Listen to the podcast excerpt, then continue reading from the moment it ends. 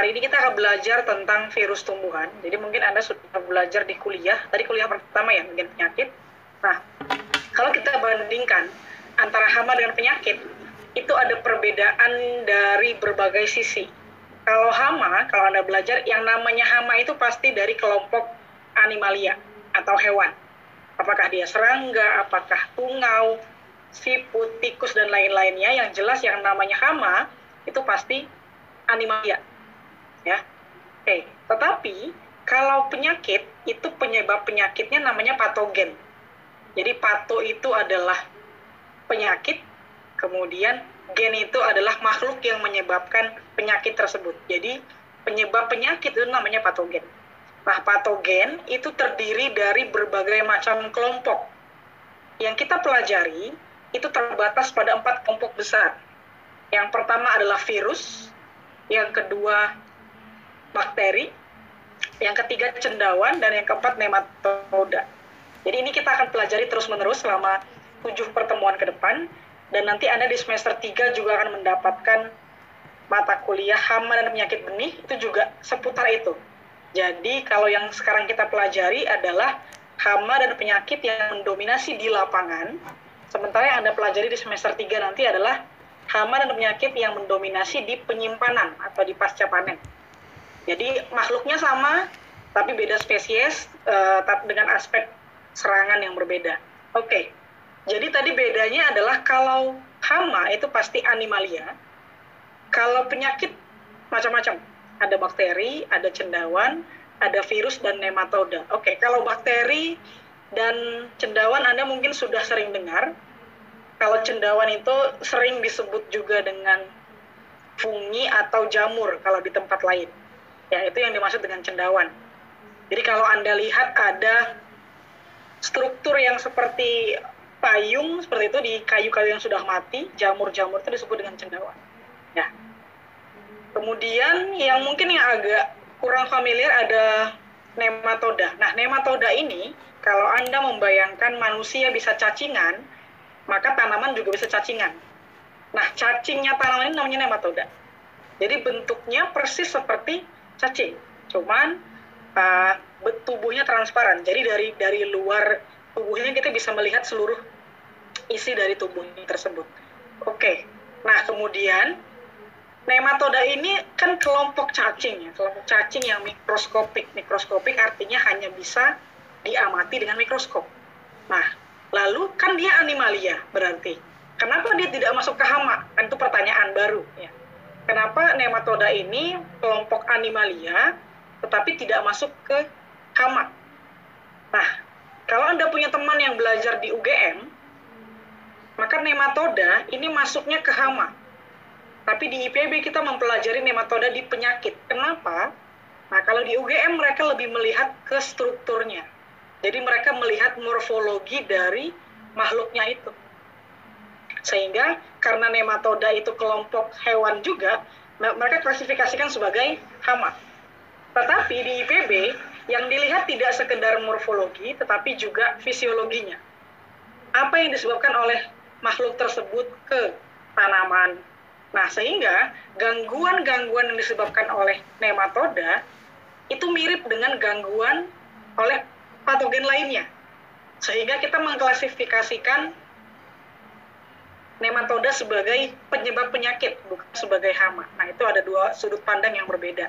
Itu tidak perlu dijadikan bahan perdebatan, tetapi sekedar mengetahui bahwa kita bisa menilai sesuatu dari sudut pandang yang berbeda.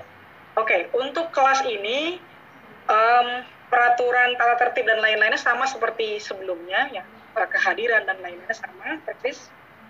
Um, anda kalau belum sempat makan, boleh sambil makan ya barangkali tadi siang belum sempat makan selesai jumatan dan lain-lainnya. Silahkan dipersilahkan yang penting tertib dan mengikuti kelas ini dengan serius. Itu saja. Mau sambil ngapain saya tidak mempermasalahkan itu.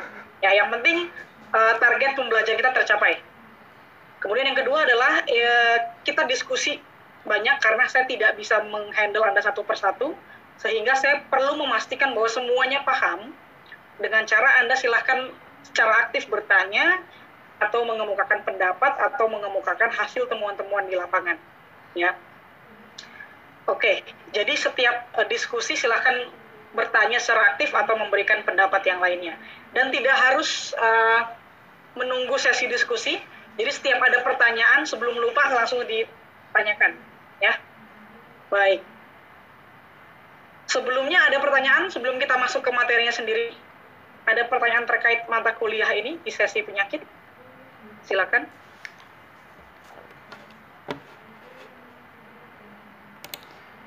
Belum, Bu. Oke, kita lanjut ke materi dulu ya. Jadi hari ini kita akan belajar tentang virus patogen tumbuhan.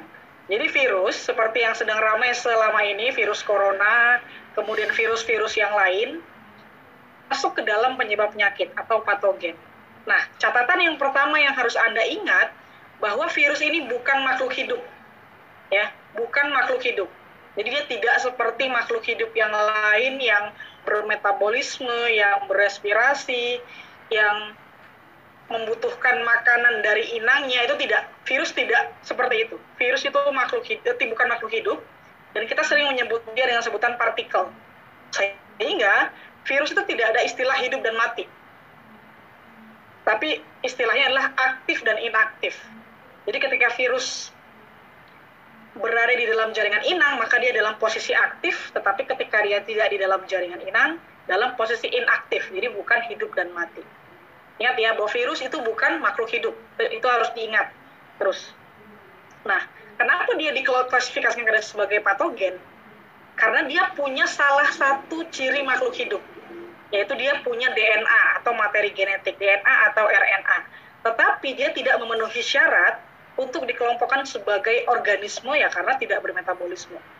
Dia hanya punya DNA atau RNA saja, tidak punya aktivitas lain selain um, untuk memperbanyak diri. Jadi misalnya ada uh, COVID atau ada virus flu atau virus-virus yang lain, itu apa yang dia lakukan dalam tubuh kita itu memperbanyak diri. Jadi tugasnya di dunia ini itu hanya bereplikasi. Ya, Anda tahu replikasi ya.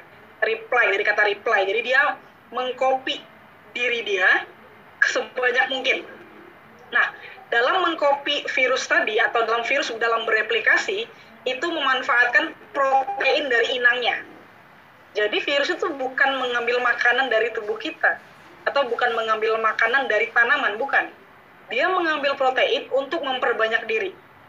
Virus sendiri tidak membutuhkan nutrisi itu untuk untuk hidupnya tidak membutuhkan karena dia tidak bermetabolisme. Itu ya, itu yang harus diingat.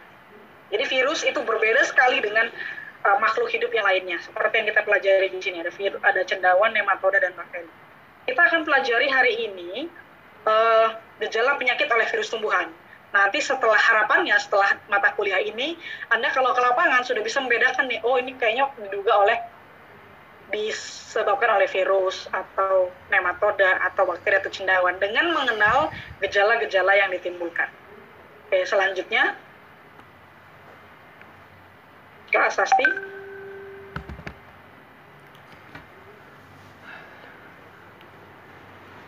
Oke, nah sebelum kita masuk lebih jauh, um, beberapa gejala virus itu khas sekali. Jadi kalau Anda ke lapangan, cukup mudah untuk membedakan apakah ini virus atau bukan. Oke, nah cirinya yang pertama, yang uh, tiga ciri utama. Yang pertama adalah gradasi warna, yang kedua adalah malformasi, yang ketiga adalah perubahan warna. Oke, okay? nah ini adalah ciri utama dari gejala virus yang mungkin akan mempermudah kita untuk mendeteksi di lapangan. Gradasi warna, kemudian malformasi, dan juga perubahan warna. Gradasi maksudnya apa? Apa bedanya gradasi dengan perubahan warna? Kalau gradasi itu masih di warna yang sama, tetapi kepekatannya berbeda. Oke, okay? jadi kalau gradasi warna itu masih dalam fragmen warna yang mirip, yang sama, tetapi frekuensinya atau kepekatan warnanya berbeda. Kalau perubahan warna jelas dari pindah ke gelombang cahaya yang lain sehingga warnanya jadi warna yang baru gitu. Kalau malformasi itu intinya mal itu adalah salah. Kalau Anda ada pernah dengar mal praktik itu berarti praktik yang salah biasanya di dunia medis. Nah, kalau ini malformasi. Mal itu salah atau tidak sesuai. Form itu adalah bentuk. ASI-nya itu adalah uh, analogi untuk proses. Jadi terjadi perubahan bentuk yang berbeda daripada normalnya. Di sini kita akan belajar ada keriting atau ada yang lain. Yang jelas malformasi itu adalah perubahan yang terjadi dari bentuk tanamannya sendiri. Oke. Okay. Gejala yang pertama kita pelajari ini ada mosaik. Nah, mosaik ini kalau Anda lihat di gambarnya itu termasuk ke dalam gradasi atau perubahan warna. Coba. Samsul Ramadan.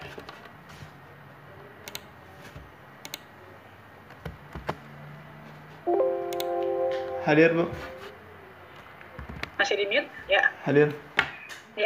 Kira-kira kalau melihat gambar ini, yang disebut mosaik itu gradasi atau perubahan warna? Perubahan warna. Kenapa? Karena ada suatu bentuk eh, karena ada suatu perubahan warna yang berbeda dari bentuk dari warna hijau mungkin ke warna kuning. Hmm? Mana warna kuningnya? ada ya? Enggak ada. Oke, jadi bedanya tadi apa? Saya bilang gradasi dengan perubahan warna.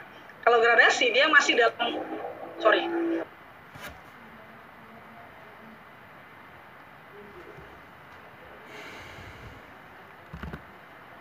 Oke, jadi kalau gradasi warnanya masih sama, tetapi ada yang pucat dan ada yang gelap.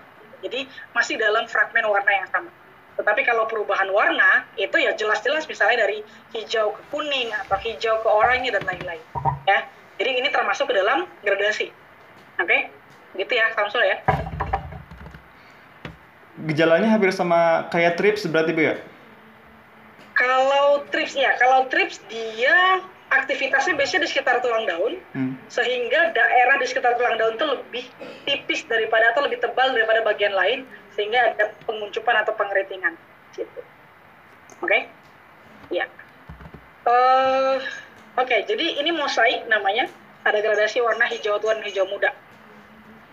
Biasanya di sini yang kita jadikan sampel adalah TMV nama virusnya, tobacco mosaic virus. Inangnya tembakau, dilihat dari namanya. Oke, okay. ketika kita mendengar tobacco mosaic virus, itu kita mudah sekali untuk mendeteksi gejala dan juga tanaman inangnya. Jadi kalau namanya tobacco mosaic virus berarti virus yang menyebabkan gejala mosaik di tanaman tembakau gitu. Jadi penamaan virus itu relatif lebih mudah dibandingkan dengan penamaan uh, mikrob yang lainnya atau mikrob pada umumnya. Nah, catatannya adalah tobacco mosaic virus ini bukan berarti hanya menginfeksi tembakau, Oke, ya, jadi bukan karena namanya tobacco mosaic virus berarti dia menginfeksinya hanya tembakau. Tidak, itu hanya men, men, menunjukkan bahwa virus tersebut pertama kali ditemukan di tembakau. Gitu. Tapi bukan berarti sampai saat ini tidak ada tanaman lain yang diinfeksi oleh virus ini. Gitu ya catatannya. Jadi nama virus itu menyatakan di tanaman mana virus tersebut pertama kali ditemukan jadi tobacco mosaic virus bisa saja menginfeksi tomat, bisa saja menginfeksi tanaman-tanaman yang lain. Begitu. Gejalanya seperti ini Anda lihat biasanya ada ada perubahan gradasi warna dari hijau tua dan muda. Jadi kalau Anda lihat yang berwarna hijau tua itu adalah area daun yang normal, sementara hijaunya pucat itu adalah area daun yang terinfeksi oleh TMV ini atau tobacco mosaic virus. Dan biasanya itu diikuti oleh gejala lain seperti keriting atau yang lain-lainnya. Oke, nah seperti virus-virus pada umumnya, TMV ini sangat mudah ditularkan melalui kontak.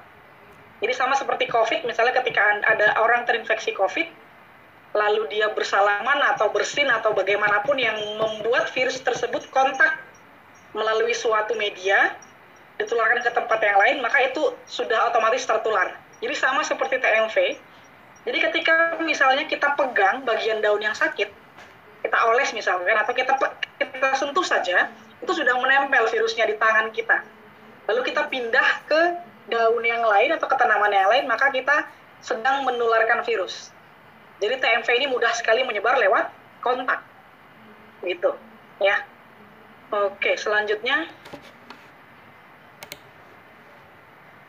Nah, jadi uh, ini deskripsi tambahan saja bahwa kalau kita lihat mosaik nanti kalau Anda bandingkan dengan gejala yang lain ya. Dia batasnya jelas. Jadi kalau Anda melihat daun seperti ini, Anda bisa menentukan batasnya antara hijau tua dan hijau muda itu jelas sekali batas-batasnya. Ya. Kemudian ukuran tidak seragam. Jadi ada yang mosaiknya itu lebar, lalu ada yang sempit seperti itu. Nanti kita akan bandingkan dengan gejala yang kedua. Lalu ada apa namanya? Ada keterangan-keterangan lain yang bisa nanti Anda baca. Jadi intinya poinnya adalah ada gradasi warna dengan batas yang jelas dengan ukuran yang tidak seragam. Oke, selanjutnya. Nah, ini kita kita lihat yang kedua. Ini mirip dengan belang tadi, eh, dengan mosaik, tetapi ada poin kritik kritis yang berbeda. Jadi belang ini masih termasuk ke dalam gradasi juga. Jadi masih uh, abnormalitas pemerataan warna hijaunya. Jadi ada yang hijaunya itu muda, ada yang tidak. Akibat infeksi virus. Patogennya namanya bin common mosaic virus. Kemudian peanut mortal virus. Ada dua. Jadi ada dua patog ada dua virus yang menyebabkan gejala seperti ini. Nah bedanya dibandingkan dengan yang mosaik tadi kalau di belang ini batasnya tidak jelas ini kebetulan gambarnya adalah gambar yang jelas batasnya tetapi belang pada umumnya batasnya tidak jelas di antara hijau tua muda itu tidak terlalu ada batas yang bisa kita lihat dengan jelas dan tapi ukurannya seragam. Kalau anda lihat di sini bulatan-bulatannya itu relatif seragam ukurannya, berbeda dengan mosaik tadi, gitu. Oke, jadi ketika terinfeksi oleh virus ini, maka tanaman akan biasanya polongnya tidak berproduksi, atau kalaupun berproduksi maka jumlahnya sangat sedikit. Nah, kalau yang TMV tadi bisa menular lewat kontak saja, jadi misalnya gesekan di daun sakit, tertular ke daun sehat melalui gesekan atau lewat sentuhan atau apa. Kalau ini menularnya bisa lewat terutama grafting atau dengan vektor. Grafting ini ketika kita menyambung tanaman itu maka dia akan menular karena virus ini menempat biasanya jaringan pembuluh seperti itu. Lalu ada kutub daun. Nah, Anda belajar di di bagian hama bahwa ada sebagian kutu-kutuan, ada sebagian serangga vektor khususnya dari kutu-kutuan, kumbang dan lain-lain, yang bisa menjadi vektor. Vektor itu artinya pembawa. Nah, di sini ada Aphis crassifora dan Aphis glycid. Aphis itu dari famili apa? Aphide. Ya, Aphide. Berarti dia termasuk dalam kutu daun. Ordonya apa? Kutu daun. Masih ingat? Anggita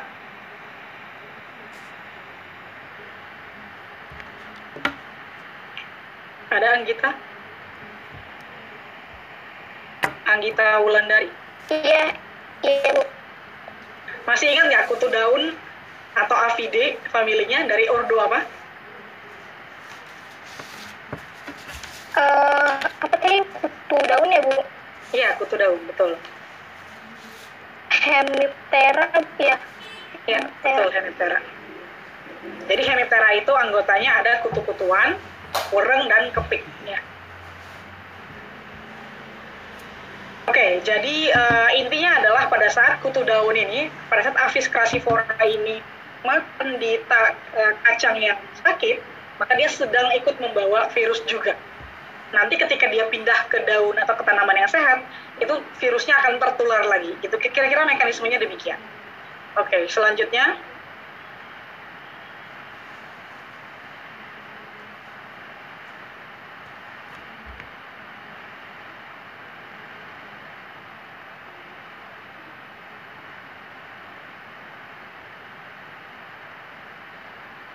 Oke, okay. nah ini kerdil pisang.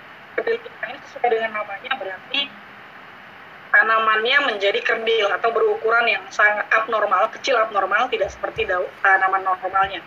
Namanya namanya banana banci top virus. Jadi banci top itu kerdil. Jadi sih. Jadi kalau Anda perhatikan daun harusnya pisang yang berumur seperti di gambar itu sudah daunnya sudah mekar, tapi dia menumpuk di bagian pucuk dari bagian pucuk dari tanaman tersebut. Jadi tidak berhasil membuka dengan sempurna. Oke, gejala yang lain adalah kalau Anda perhatikan di bagian tepi daunnya itu berwarna kuning. Oke, berwarna kuning. Jadi ciri yang pertama adalah tanamannya kerdil. Kedua, tepian daunnya berwarna kuning. Nanti lama-kelamaan akan berubah menjadi coklat. Oke, peristiwa berubah menjadi warna kuning ini itu sudah satu level di atas gradasi. Namanya ini klorosis. Oke, klorosis kalau Anda kita pecah katanya dari sis itu art, artinya ada degradasi dan kloro itu adalah singkatan dari klorofil. Artinya, klorosis itu adalah penurunan jumlah klorofil yang diproduksi oleh tumbuhan. Oke. Ketika klorofil kan zat hijau daun. Jadi ketika jumlah klorofil yang diproduksi itu sedikit, sehingga daun tidak akan membentuk warna hijau yang normal. Sehingga ada bagian daun yang mengalami warna kuning seperti contohnya yang digambar ini. Ya, jadi gejala ini sudah satu level di atas gradasi tadi seperti belang juga mosaik. Lalu virusnya kira-kira bentuknya seperti yang di kiri bawah dan ditularkan oleh masih kutu daun juga namanya Pentalonia nigronervosa. Jadi memang sebagian besar virus itu bisa ditularkan oleh serangga, terutama dari kutu-kutuan. Ya, ini kerdil pisang. Ini sedang menjadi bahkan di di global itu ada satu konferensi, bahkan ada satu organisasi yang khusus menangani pengendalian dari kerdil pisang ini atau BBTV, Banana Banchitok Virus. Oke, ini yang ketiga. Yang keempat, selanjutnya tungro. Nah, tungro ini sudah di atas lagi levelnya. Jadi dia sudah bukan gradasi, bukan lagi klorosis, tapi sudah diskolorisasi, sudah terjadi perubahan warna. Nah, kalau Anda lihat tanaman padi, ini menyerangnya di tanaman padi ya, tanaman padi, daunnya itu kira-kira berwarna kuning oranye. Nah, itu diduga disebabkan oleh virus. Namanya penyakitnya tungro. Oke, okay? nah ketika sudah terinfeksi oleh tungro ini, maka selain perubahan warna, itu nanti uh, pertumbuhan tanaman akan terhambat, jadinya tanamannya kerdil, lalu sudah pasti uh, produksinya juga menurun. Dan juga mungkin ketika diproduksi malai, malainya itu kosong.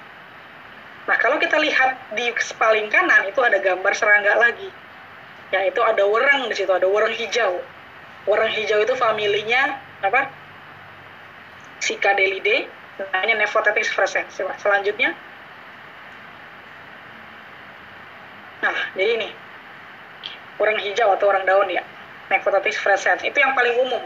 Sementara ada Nephotetrix yang lain, Malayanus, Parvus, bla bla bla itu bisa juga menjadi faktor untuk virus tungro, tetapi sangat umumnya adalah oleh Nephotetrix frescens ini. Oke, okay. virus tungro ini ada dua virus. Yang pertama adalah RTBV, yang kedua RTSV. RTBV itu adalah Rice Tumoro Bacilliform virus. RTSV adalah Rice Tumoro Spherical virus. Dari namanya kita sudah bisa mengetahui bahwa virus ini bentuknya berbeda. Kalau yang RTBV bentuknya adalah basil atau batang, kalau yang RTSV bentuknya bulat atau spherical, gitu ya. Nah, kedua virus ini harus menginfeksi bersamaan. Jadi mereka harus ada bersama-sama dulu baru bisa menyebabkan virus tungro. Ketika hanya ada RTBV saja atau ada RTSV saja, itu tidak akan terjadi penyakit atau penyakit terjadi tetapi tidak se, tidak optimal. Jadi virus kedua virus ini harus selalu bersamaan untuk bisa menyebabkan penyakit tungro. Ya. Oke. Terakhir, sepertinya terakhir virus kuning. Nah ini. Jadi virus kuning ini ini sedang-sedang ramai-ramainya di pertanaman cabai khususnya di Jawa Tengah menjadi masalah bagi petani-petani kita. Cirinya adalah Anda lihat daun cabainya berwarna kuning. Dimulai dari tulang daun biasanya. Dari tulang daunnya kuning, kemudian lama-kelamaan menyebar ke seluruh bagi lembaran daunnya. Nama virusnya pepper yellow leaf curl virus. Oke, okay? jadi dari namanya kita tahu bahwa yang diinfeksi adalah pepper, cabai dan familinya, lalu yellow yellow itu berarti ada penguningan leaf curl berarti ada keriting jadi selain gejala kuning dia menyebabkan daunnya menjadi keriting ini kelompoknya kelompok virus gemini, faktornya kutu kebul aleurididae spesiesnya Bemisia tabasi oke okay. jadi dari yang kita pelajari hari ini kita menemukan lima virus yang pertama mosaik tembakau yang kedua belang kacang tanah yang ketiga uh, bancitop kerdil pisang, yang keempat adalah apa tadi? Yang keempat tungro di padi, yang kelima kuning di cabai. Dari lima virus yang sudah saya jelaskan, empat di antaranya ditularkan melalui serangga vektor. Jadi ini cukup menunjukkan bagi Anda bahwa serangga vektor sangat berperan penting dalam penularan patogen, khususnya virus.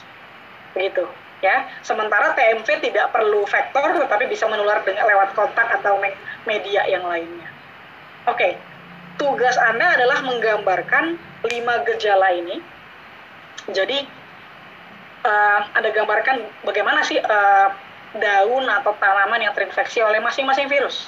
Ya, nanti asisten akan membantu untuk menuliskan formatnya, tetapi pada dasarnya karena sangat banyak uh, pengenalan gejala patogen itu berdasarkan perubahan warna, maka Anda perlu warnai gambarnya. Oke? Okay? Jadi Anda gambarkan dan tidak perlu terlalu kompleks misalnya. Padi nggak perlu digambar serumpun nggak perlu. Cukup gejala khas dari daun tersebut. Oke? Okay? Nah, untuk membandingkan antara yang sehat dengan yang sakit, Anda gambarkan misalnya tembakau, Anda gambar dua buah daun tembakau, Satunya gambarkan daun tembakau yang sehat seperti apa. Misalnya, oke, okay, warna hijaunya seragam, tulang daunnya kokoh dan lain-lainnya. Lalu yang sakit seperti apa ya? Seperti yang disampaikan di PowerPoint tadi. Tapi barangkali Anda punya referensi lain terhadap penyakit tersebut, silakan dikemukakan.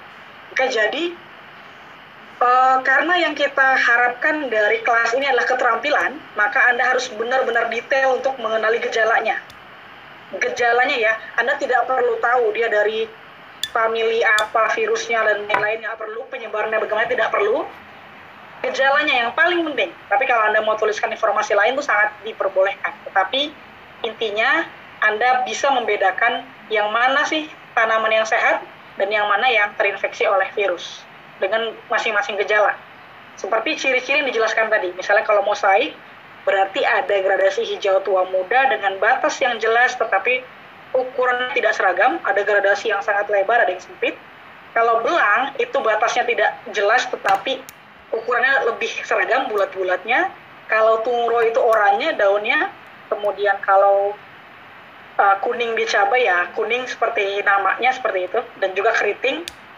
Lalu banci top, banci top Anda gambarkan tanaman pisang yang kerdil dan dengan ciri-ciri gejala yang tadi. Ya, tugasnya sederhana, cukup sederhana, tapi kalau Anda serius ini akan bermanfaat untuk Anda mengenali penyakit di lapangan. Ya, e, virus selesai hari ini, jadi minggu depan kita sudah pindah ke kelompok patogen yang lain, yaitu nematoda atau bakteri misenter. Oke, kira-kira demikian uh, penjelasannya. Silakan kalau ada yang ingin didiskusikan sebelum kita tutup kelas. Uh, Ibu, saya ingin menambahkan beberapa poin untuk ya, silakan. mengenai tugas. Ya. Selamat siang semuanya. Uh, jadi untuk tugas formatnya nanti saya kirimkan lewat WA. Untuk pengumpulannya dikarenakan uh, pada sesi UTS masih banyak yang terlambat untuk mengumpulkan tugas, maka pengumpulan akan dimajukan uh, menjadi hari Rabu jam 12 siang. Apabila telat, akan diminus apabila lebih dari jam 6 sore akan diberi nilai 0. Untuk nilai terendah yaitu 70, untuk nilai tertinggi yaitu 90. Seperti itu. Apabila ada keterlambatan bisa langsung uh, hubungi kakak asisten. Apabila ada kesulitan atau uh, ingin berkomunikasi dan bertanya-tanya lebih lanjut bisa juga dihubungi kakak-kakak asistennya. Mungkin seperti itu saja. Terima kasih Bu. Terima kasih semua. Oke, terima kasih. Oke, terkait materinya ada pertanyaan, silakan. Ini mungkin hal yang baru, relatif baru ya bagi kita semua, bagi anda juga, karena sebetulnya penyakit tumbuhan itu um, bukan sesuatu yang aneh. Maksudnya bukan sesuatu yang itu, maksudnya adalah selama ini ada di sekitar kita. Cuman kita belum mengetahui bahwa itu adalah gejala penyakit atau gejala ini.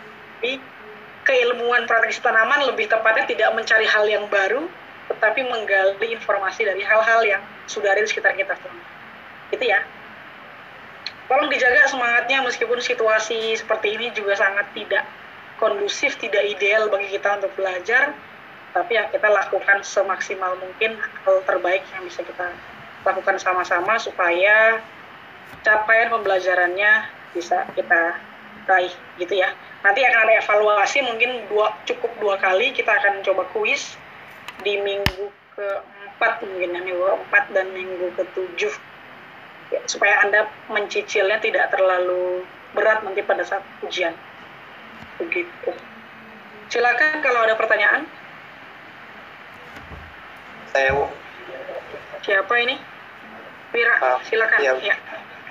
Uh, virus apakah virus itu misalnya ada satu tanaman komoditas yang udah terinfeksi virus bu hmm.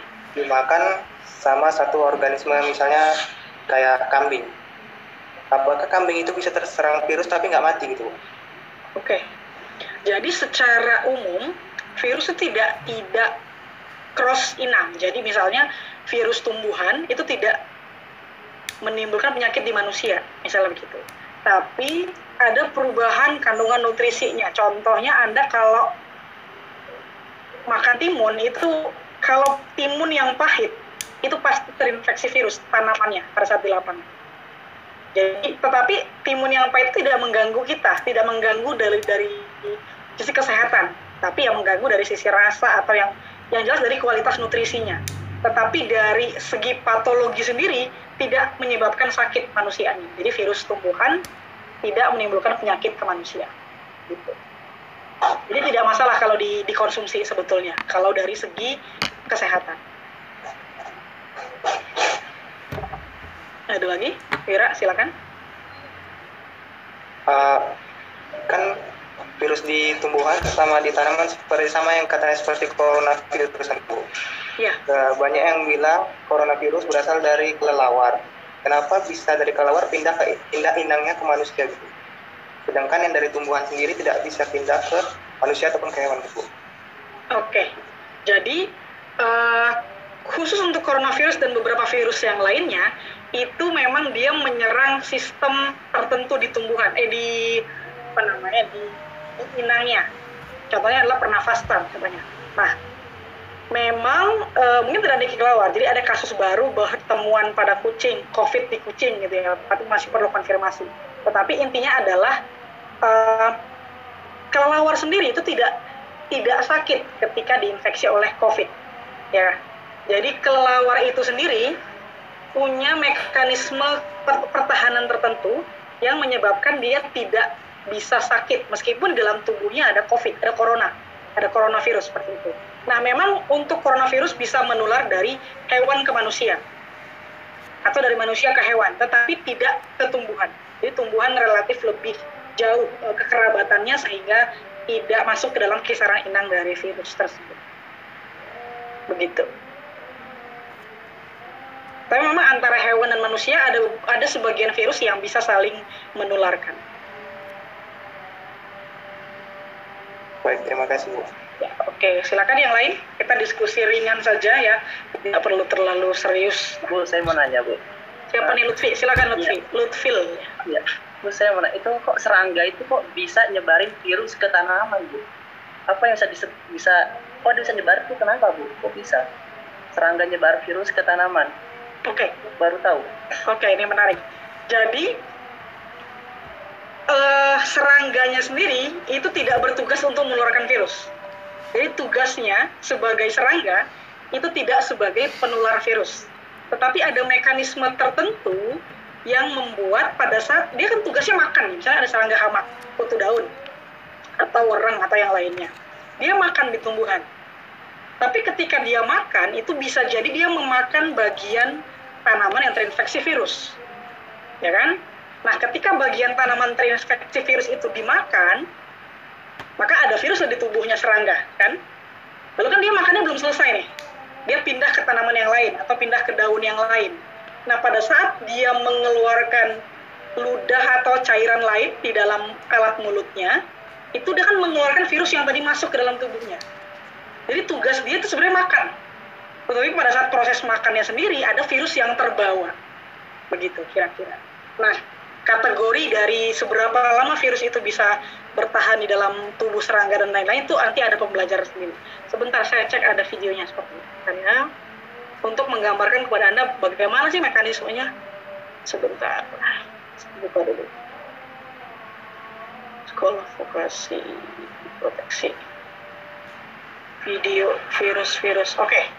Saya izin share ya untuk menyampaikan pada Anda bagaimana virus itu terbawa dan tertular, terbawa dari tanaman sakit dan tertular ke tanaman sehat. Sebentar. Mohon konfirmasi kalau sudah videonya sudah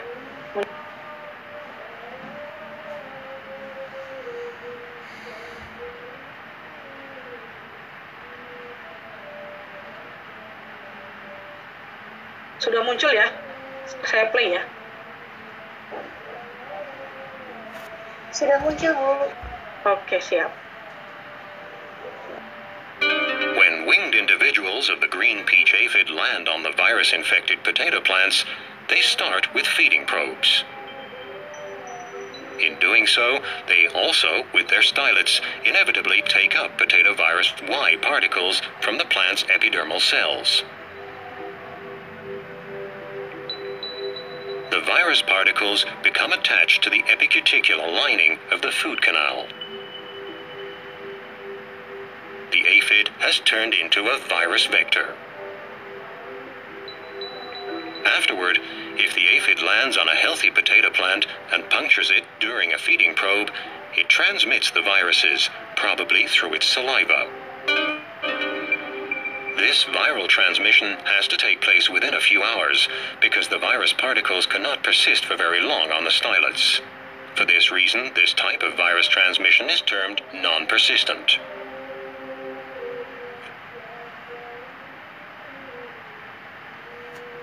Oke, kira-kira begitu gambarannya. Jadi aktivitas makannya di tumbuhan inangnya itu seri, uh, beberapa kali bisa sekaligus membawa virus yang tertahan di dalam jaringan saluran ludah dan itu tertular ketika makan di uh, tanaman sehat yang lainnya. Itu termasuk kategori yang persisten tadi kata videonya. Tetapi ada juga virus lain yang bisa bertahan lebih jauh, lebih lama, sampai berjam-jam atau berhari-hari sampai ke jaringan yang lebih dalam, pencernaan atau yang lain. Itu tergantung dari masing-masing mekanisme penularannya. Begitu, Lutfil. Ya, Sudah tergambar ya kira-kira ya kenapa? Ya. Oke. Okay. Silakan yang lain. Saya, Bu. Silakan Samsul. Berarti ada berapa uh, klasifikasi hewan sih yang bisa melakukan simbiosis mutualisme dengan virus? Uh, sejauh ini di sekitar kutu-kutuan, orang kepik, uh, sebagian kumbang juga ada.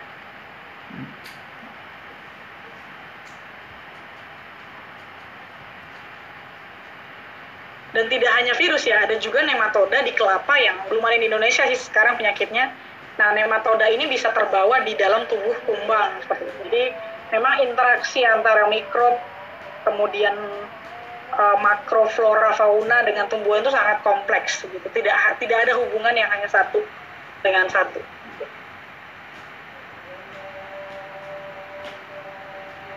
Oke. Jadi virus tidak ada yang mati ya. Jadi dia hanya tidak aktif. Dan virus ini kan kalau nanti Anda belajar mungkin di kuliah di pertemuan selanjutnya bahwa ada tipologi namanya parasit obligat, patogen obligat. Jadi obligat itu artinya apa? Obligat itu artinya dia harus dalam aktivitasnya harus selalu berada di, di dalam jaringan tanaman yang hidup. Jadi kalau dia tidak di dalam jaringan tanaman hidup, maka dia tidak akan aktif. Jadi kenapa sih kalau misalnya COVID, misalnya kenapa kita harus cuci tangan begitu?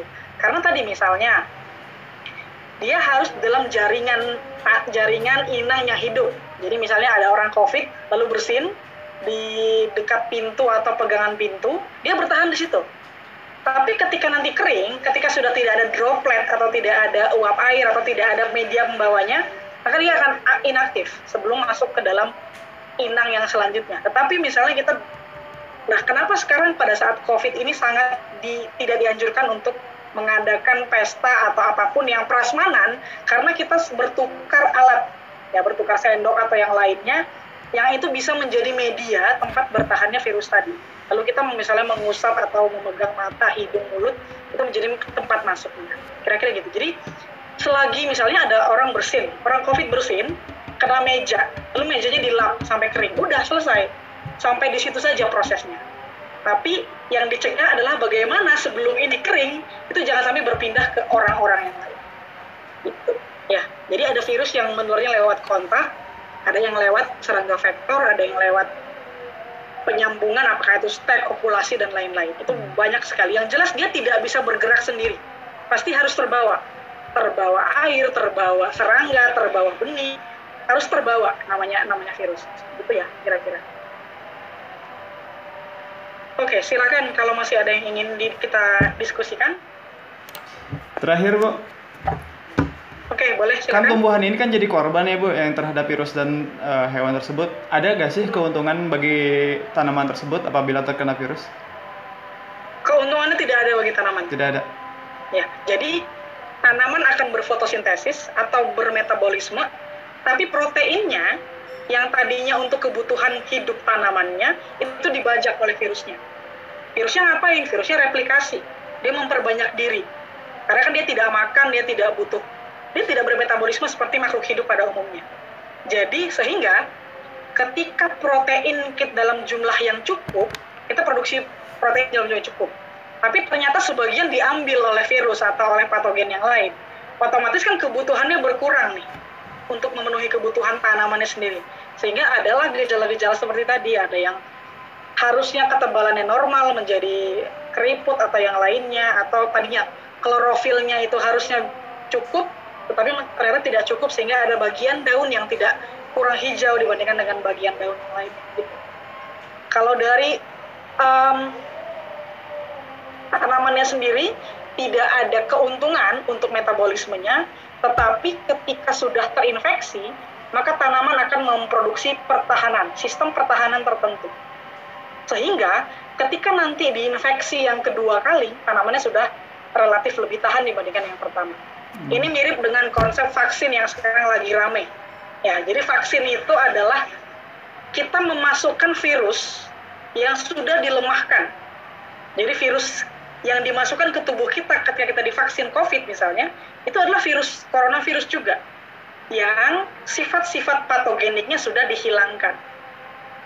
Lalu dia masuk ke tubuh kita, maka tanaman akan merespon, oh ada ada sel asing di tubuh saya.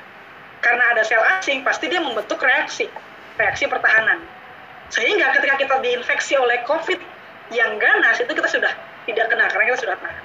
Sama lah mungkin seperti ketika ada maling begitu ya. Misalnya rumah kita selama ini aman nih, nggak dipasang gembok. Tiba-tiba ada kejadian di kampung itu ada maling, maka kita pasti membentuk pertahanan dengan cara bikin pagar, dengan cara buat gembok yang kompleks dan lain-lain. Ya kira-kira analoginya gitu. Jadi makhluk hidup yang ada dapat ancaman itu pasti akan merespon dengan reaksi-reaksi tertentu. Kira-kira demikian uh, ilustrasinya. Kalau uh, kalau kasus tanaman cendawan gimana bu? Kan ada gimana? cendawan. Hmm? Apabila disuntikan kan ada sistem proteksi yang tersendiri kan bu, sehingga menghasilkan suatu bau tertentu hingga menghasilkan minyak atau uh, yang yang kita sebut dengan apa minyak gaharu itu.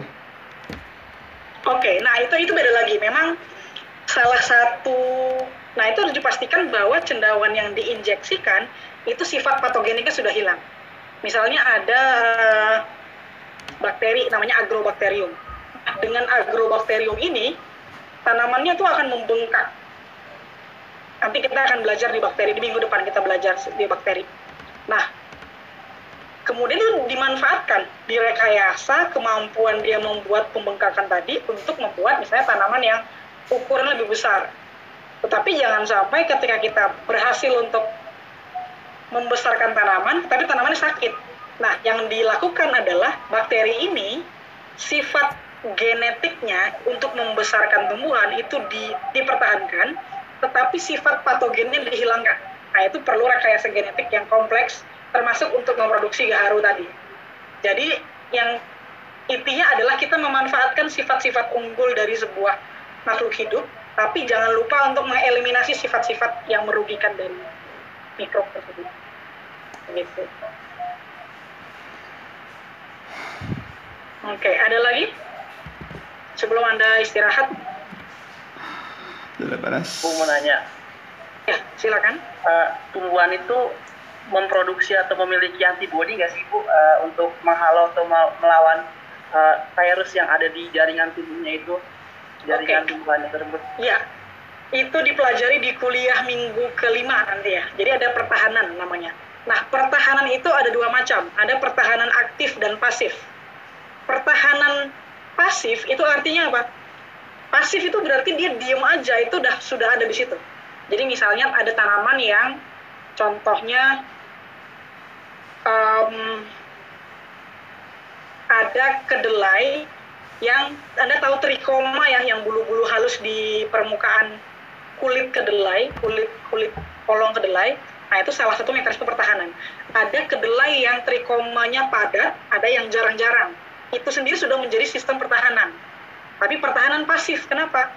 Ya maksudnya pasif itu artinya dia tidak perlu ada patogen untuk memproduksi itu, memang bawaan dari tanamannya tapi ada pertahanan aktif. Contohnya produksi senyawa. Senyawanya bisa macam-macam. Contohnya fenol. Nah, di tumbuhan itu ada fenol. Tapi fenol ini diproduksi kapan? Ketika ada patogen. Jadi ketika ada patogen, maka fenol akan diproduksi untuk melawan patogennya. Artinya fenol ini adalah mekanisme pertahanan aktif. Artinya harus dirangsang dulu untuk diproduksi. Seperti tadi misalnya kita di rumah kalau kita tahu di rumah di komplek itu nggak ada maling misalnya kita mungkin bisa merasa aman tanpa harus memasang pagar contohnya gitu itu namanya pertahanan aktif jadi perlu rangsangan untuk bisa merespon merespon pertahanan tersebut nah konsep antigen konsep vaksin itu memanfaatkan respon pertahanan aktif dari dari tubuh manusia atau hewan atau tumbuhan jadi misal kita tidak akan memproduksi manusia nih normal sekarang itu nggak mungkin tiba-tiba antibody untuk COVID itu nggak mungkin. Karena apa? Antibody ini hanya bisa diproduksi ketika ada antigennya atau ada sel asing. Kalau sel asing itu tidak ada, yang apa yang diproduksi? Dia tidak merasa perlu memproduksi antibody. Kira-kira gitu. Nanti itu secara lebih detail dijelaskan di kuliah kelima atau enam ya untuk pertahanan tanaman.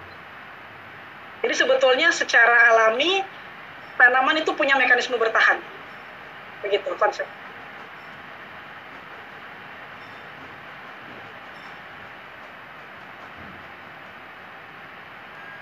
Oke, silakan yang lain. Masih ada? Saya mau bertanya, Bu. Wisna, iya silakan, Wisna. Soalnya dalam tanaman itu sudah terinfeksi virus, maka kapan ya uh, apa waktunya uh, kita melihat? Misalnya kan nggak mungkin kan langsung terinfeksi virus langsung tanamannya itu uh, kayak perubahan warna gitu. Itu waktunya bisa kapan kita tentukan ya bu ya? Oke. Okay. itu namanya masa inkubasi. Jadi kalau uh, masa inkubasi itu adalah waktu yang dibutuhkan oleh patogen tidak hanya virus ada cendawan dan lain-lainnya untuk memproduksi gejala jadi memang benar tadi kata Wisna, nggak mungkin tiba-tiba dia masuk langsung tiba-tiba jadi kuning, itu nggak mungkin. Jadi ada periode inkubasi dan itu berbeda-beda antar bahkan antar virus segitu berbeda-beda. Jadi misalnya tobacco mosaic virus tadi ada mosaik tembakau. Mungkin virus yang sama ketika menginfeksinya tomat itu mungkin waktunya beda. Mungkin tiga ketika di tembakau misalnya keluarnya tiga hari, ketika di tomat misalnya lima hari gitu. Jadi itu sangat spesifik reaksinya antara gen patogennya dengan tanaman inang itu sangat spesifik. Ada patogen yang untuk menimbulkan gejala itu perlu waktu sampai 40 hari ada. Itu sangat bergantung dari jenis tanaman atau jenis inangnya dan jenis patogennya. Gitu ya. COVID, COVID itu 14 hari masa inkubasinya. Jadi kenapa kita kalau bepergian, misalnya kita lewat bandara atau lewat tempat lain yang sangat memungkinkan kontak, itu kita diminta diam di rumah 14 hari setelah itu. Kenapa? Karena itu waktu yang dibutuhkan oleh virus untuk menimbulkan gejala. Jadi ketika setelah 14 hari tidak ada gejala, oh berarti virusnya tidak berhasil masuk atau berhasil masuk tapi tidak berhasil untuk menimbulkan penyakit. Kira-kira begitu. Itu masa inkubasi sangat memang sangat penting untuk dipahami karena itu tadi berkaitan dengan seberapa lama harus diisolasi, seberapa lama harus diamati dan lain-lain. Dan virus sendiri tuh ada yang sangat cepat, seperti virus tumbuhan, ada virus yang sangat lama. Kalau Anda tahu HIV, virus HIV itu masa inkubasinya 4 tahun. Gitu ya, 4 tahun. Jadi mohon maaf kalau ada yang melakukan seks bebas atau yang lain, itu empat tahun kemudian baru ketahuan kenanya. Gitu. Jadi ketika ada ada diagnosis HIV nih di manusia, itu harus ditelusuri sampai empat tahun yang lalu, gitu. karena masa inkubasi virus sangat panjang, begitu kira-kira. Nah itu itu itu sangat bergantung, sangat merupakan reaksi yang sangat spesifik antara virus itu sendiri dengan tumbuhannya.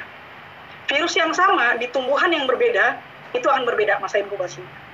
Atau tanaman yang sama dengan virus yang berbeda itu juga akan berbeda masa inkubasi. Gitu. Ya, bisa dipahami ya, Wisna ya? Oh, bisa, Bu. Oke. Silakan yang lain. Saya Bu izin bertanya. Siapa ini sebentar? Siapa ini? Hafif, Bu. Oh iya, Hafif, silakan, Hafif. Uh, apakah apakah iklim dapat mempengaruhi perkembangan virus, Bu? Ya, betul. Perkembangan virus dipengaruhi oleh salah satunya iklim. Dan tergantung dari virusnya. Kalau virusnya tertular oleh serangga, dan serangga relatif lebih suka dengan musim panas misalnya. Maka pada saat musim panas, itu banyak virus-virus yang tular serangga, itu akan muncul. Tapi ada virus-virus lain yang banyak muncul di kondisi yang lembab, yaitu pada musim hujan. Jadi sangat, uh, Anda sudah belajar segitiga penyakit belum ya di kuliah belum sepertinya? Jadi nanti Anda belajar namanya segitiga penyakit. Bahwa penyakit itu muncul, ada interaksi dari patogennya sendiri, lalu yang kedua ada dari lingkungan dan dari tanamannya. Oke, jadi misalnya ada virus, kemudian ada tumbuhan, tetapi kondisi lingkungannya tidak mendukung, maka tidak akan terjadi penyakit. Sebaliknya, ketika misalnya ada cendawan ya, kalau Anda mungkin dengar jamur di musim hujan, itu itu itu menunjukkan bahwa di musim hujan itulah kelembapan sangat tinggi sehingga cendawan akan muncul dengan masif gitu. Nah, ketika misalnya musimnya musim hujan, kemudian ada nih cendawannya atau ada jamurnya, tetapi tanamannya sehat, maka tidak terjadi penyakit juga. Ya, jadi harus ada interaksi dari tiga komponen ini, inangnya, patogennya, dan lingkungannya. Kalau salah satunya tidak mendukung, maka penyakit tidak terjadi. Gitu.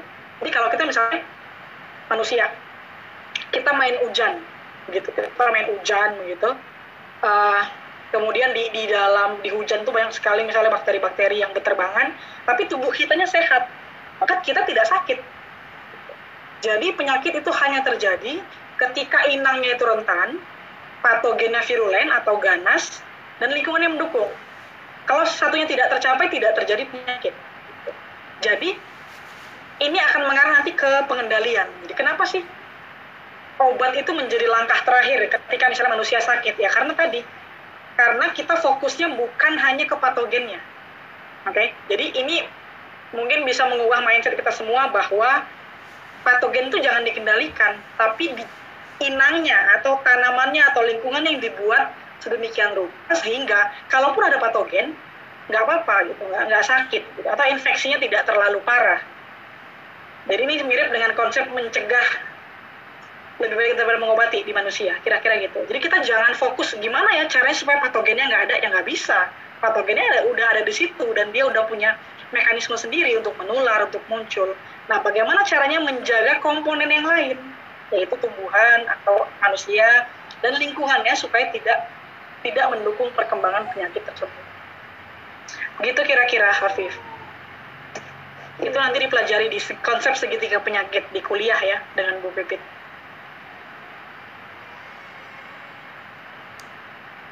Masih ada? Silakan.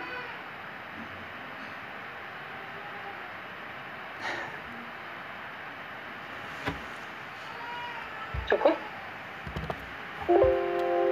Oke, kalau cukup, um, BAP sudah saya isi, Anda sudah boleh mengisi presensi, tapi yang dua orang tadi tolong menghubungi saya dulu ya untuk menjelaskan apa yang terjadi sehingga tidak bisa bergabung. Nanti baru boleh isi presensi. Ya. Terakhir ada pertanyaan lagi?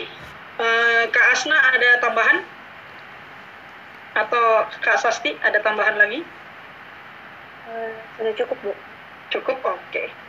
Cukup ya, kita ketemu lagi nanti hari Jumat depan silahkan disiapkan kalau ada bahan-bahan diskusinya atau anda misalnya membaca apa kita bisa diskusi sama-sama minggu depan kita belajar uh, nematoda dan juga bakteri begitu gitu ya oke terima kasih assalamualaikum warahmatullahi wabarakatuh jaga kesehatan ya semuanya Waalaikumsalam warahmatullahi wabarakatuh. Terima kasih ya Bu. Saya akhir ya meetingnya.